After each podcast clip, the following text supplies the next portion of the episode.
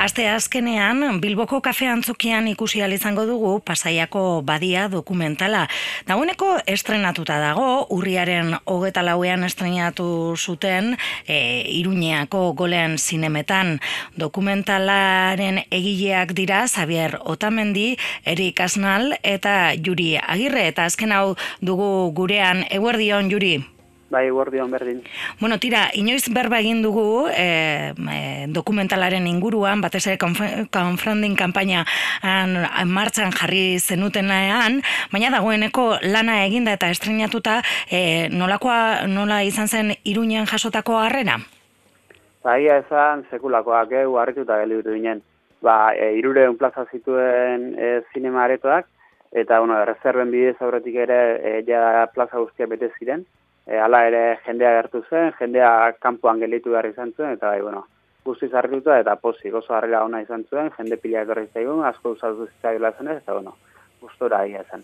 Bueno, e, urte luzeko lanaren emaitza beraz, erakutzita, eta suposatzen dut orain lasaiago ere Euskal Herriko beste txoko batzuetan ere erakusteko egindako lana, ez?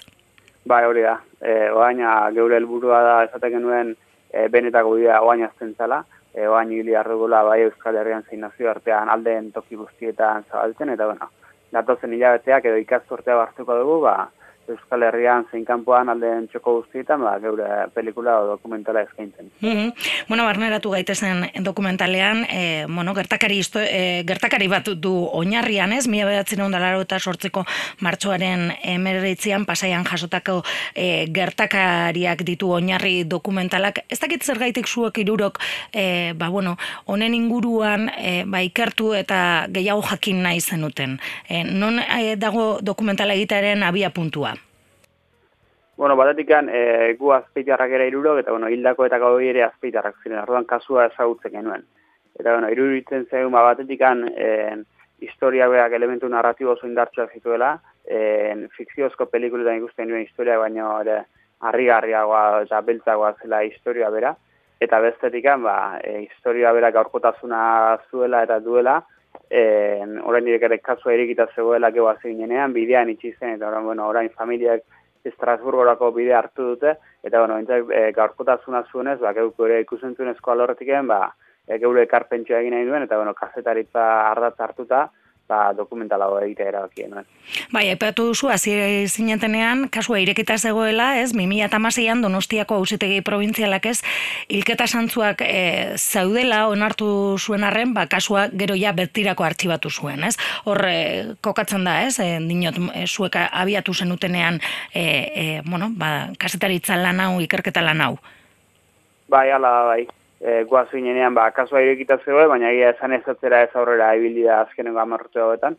Eta, bueno, gehu hazi eta handik hilabete batzuetara ba, e, itxi zen kasua, baina, bueno, e, familia gero konstituzionalera jozuten, e, konstituzionalera gitzuen behaien e, babesele egitea unartu, eta, bueno, orain Estrasburgoko bidea jorratzen ari dira. E, bueno, dokumentaleako e, bueno, oinarria elkarrizketak dira egin dituzuen, bueno, hainbat e, e, protagonista gertzen direlako konta iguzu.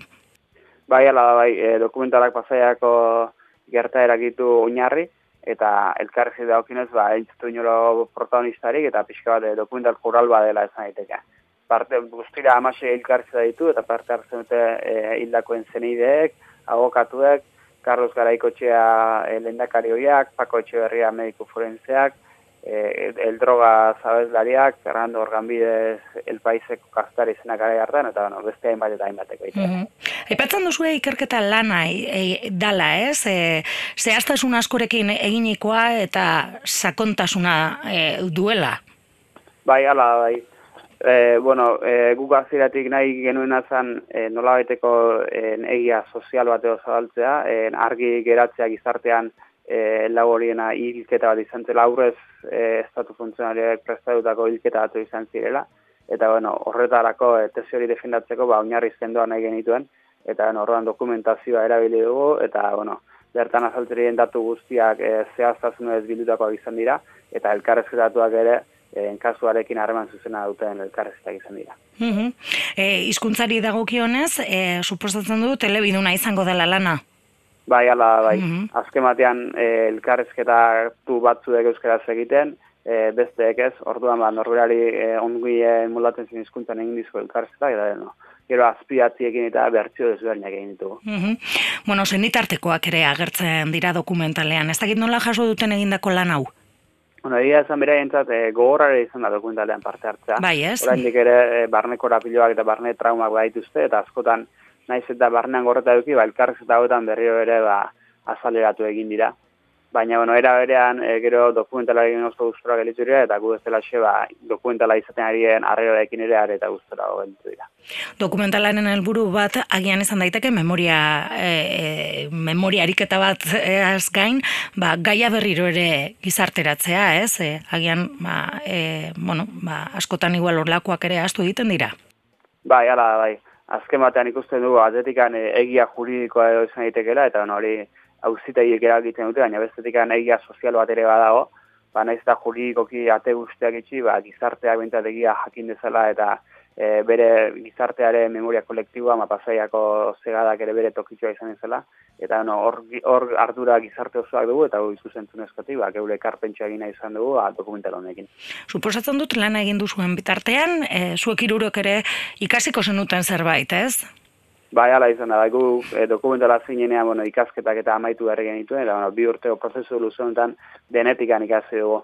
E, bai, dokumentazioa, kasetaritza lana, e, ikusen zunezko ba, errodea izan daitekeena, postprodukzioa, e, zinemanaliak nola egin, guz, bai, gura uste asko izan ditu, baina no, era erean, e, ikasteko ere asko alde izan dugu. Mm Eta gertatutakoaren inguruan ere ikazpenik ekarriko du dokumentalak?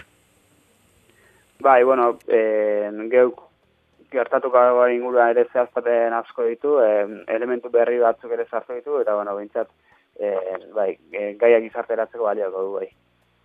Bueno, bestetik ere, eh, aipatzen duzu, thriller itzurra, itxura eman diozuela dokumentalari. Bai, ala da, bai, ikusten dituen da, dokumentala batetik, eh, dram, momentu dramatiko asko zituela, eh, sentimentua, eta pixka baten, gertatutako egutzi den oinazio guzti hori erauzten zituela, baina era berean ikusten genuen e, elementu guzti hori zituela, ba, azken batean e, krimen bat delako, oso krimen iluna, eta bueno, e, poliziak eta estatu aparatuak ikertu nahi ez dutena, eta no, orduan e, bestelako jendea ariena hori guztia ikertzen, eta bueno, pixkat, e, novela beltuaten elementu berdin berdina dira hori, eta orduan, hori ere nahi genuen zartu, eta bueno, orduan, bai, nik uste dut thrillerra eta dramaren artean mugitzen den dokumental dela. Mm Bi urteko lana egin duzue, lehenengo crowdfundingarekin abiatu zenuten ez, kanpainan ba, dirua lortzeko, gero babesak, gero, bueno, ba, suposatzen du grabaketak egin, montaketak, eta orain ja, e, aipatu bezala, ba, beste, beste bide bat hartu behar du dokumentalak ez, e, zabalpenarena, iruñan e, izan zarete, e, bueno, estrenatu zenuten, e, ondoren e, egin dituzue beste emanaldirik? Bai, bueno, iruñan ezan bezala, ba, iruren laguneko aretoa txiki zen, eta gero azpeitian genituen, beste iruman aldi. Eta mm -hmm. behera ziren lagun etorri dira azpeiriko ere, eta bueno, hori ere oso pozgarria izan da. Eta orain daukagu larun batean pasai doni ganen, eta gerta erakan izan da ere nik uste nahiko izango dela eman handia. Mhm. Eta gero, ba, herri ez bueno, bilbon bertan, azte honetan, azte da, eta gano. E, gero, bai, zumaian, leitzan, adunan, aztarneko zinekin festivalean, pasarteen bilagunan eh herripilo batean eta ari gara eh manaldi gehiago ere lotzen eta bueno mm -hmm. esan bezala orain herri zerri ebiliko gara deitzen dit del tobitik ara joango gara emanaldi egitera Gai, Bilbone aukera izango da ikusteko, pasaiako badia dokumentala, azte ezkenean, zazpi terdietan. E, Iruñan gero sola saldia egin zenuten, ez dakite jendeak ere parte hartu zuen, interesarekin? E, bueno, bai, eta Bilbon ere sola saldia egitu bat, mm -hmm egia esan, e, dokumentala maitu jende asko, eta tiz bat, e, gertera gertutik bizizan ziztenek, eta lagunek, eta e, nahiko, e, ez da, e, xokeatu da maitzen. Bai, unkituta edo, ez? Bai, unkituta maitzen dute, eta, bueno, orduan zaila izaten da mm publikoan, eta horrela galderak egitea, eta, bueno, geure zehaztapenak eta e, datu gehiago ere emango ditugu, dokumentalean azaltzen zirenak, eta, bueno, galderak egin ezkero ere enpresa gaude erantzuteko, eta, bueno, besterik ez da, e, publiko aurra ez ba ere gero jendea beri tortzen zeu, galderak egitea zorionak ematera, eta bueno, gero ere handik biliko gara. Bueno, ba, gogora ekarriko dugu Bilboko itzordua entzuleren batek e, interesa izan ezkero, pasaiako badiadoren dokumentala, azte azkenean zazpiterdietan Bilboko kafea antzokian e, ikusteko aukera izango dela. Juri, ba, eskerrik asko gaur gurean egon izanagaitik. Bai, zeu ere eskerrik asko. Bai, agur. Agur. Ez dit mezua erantzuten